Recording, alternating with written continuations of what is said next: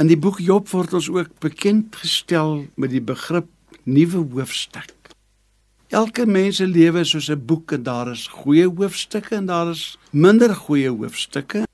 In die 7de hoofstuk vra Job, het 'n mens deur stryd op hierdie aarde en hy vra ook dan verder en hy sê die nag het bitterlik lank aangehou.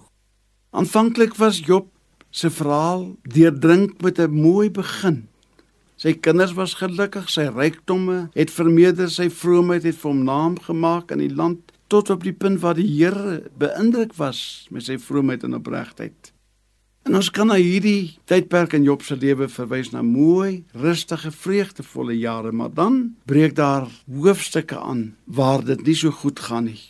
Soos 'n slaaf wat hyg na die skaduwee soos 'n dagloner wat wag op sy werkloon, so het ek 'n erfgenaam geword van maande van teleurstelling, nagte van moeite vir my besem. En as ek gaan lê, dink ek, wanneer sal ek opstaan? Die aand is lank en ek word sat van die omdraai tot die môre skemering toe. Skielik verander Job se verhaal, weg van stryd, siekte, elende, probleme, bekommernis, donkerte en dit eindig met 'n geweldige triomfanklike getuienis in die 42ste hoofstuk.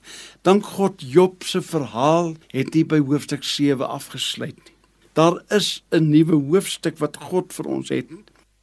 Job 42 vers 2 Ek weet dat U alles kan doen en geen plan vir U onuitvoerbaar is.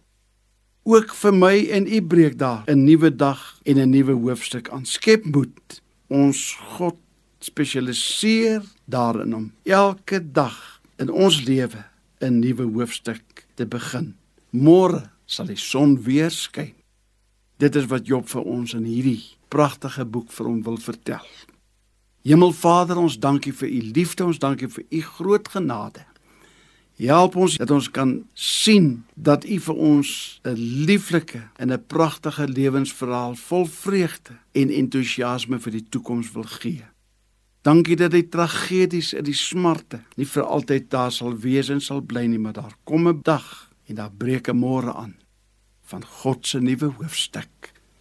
Amen.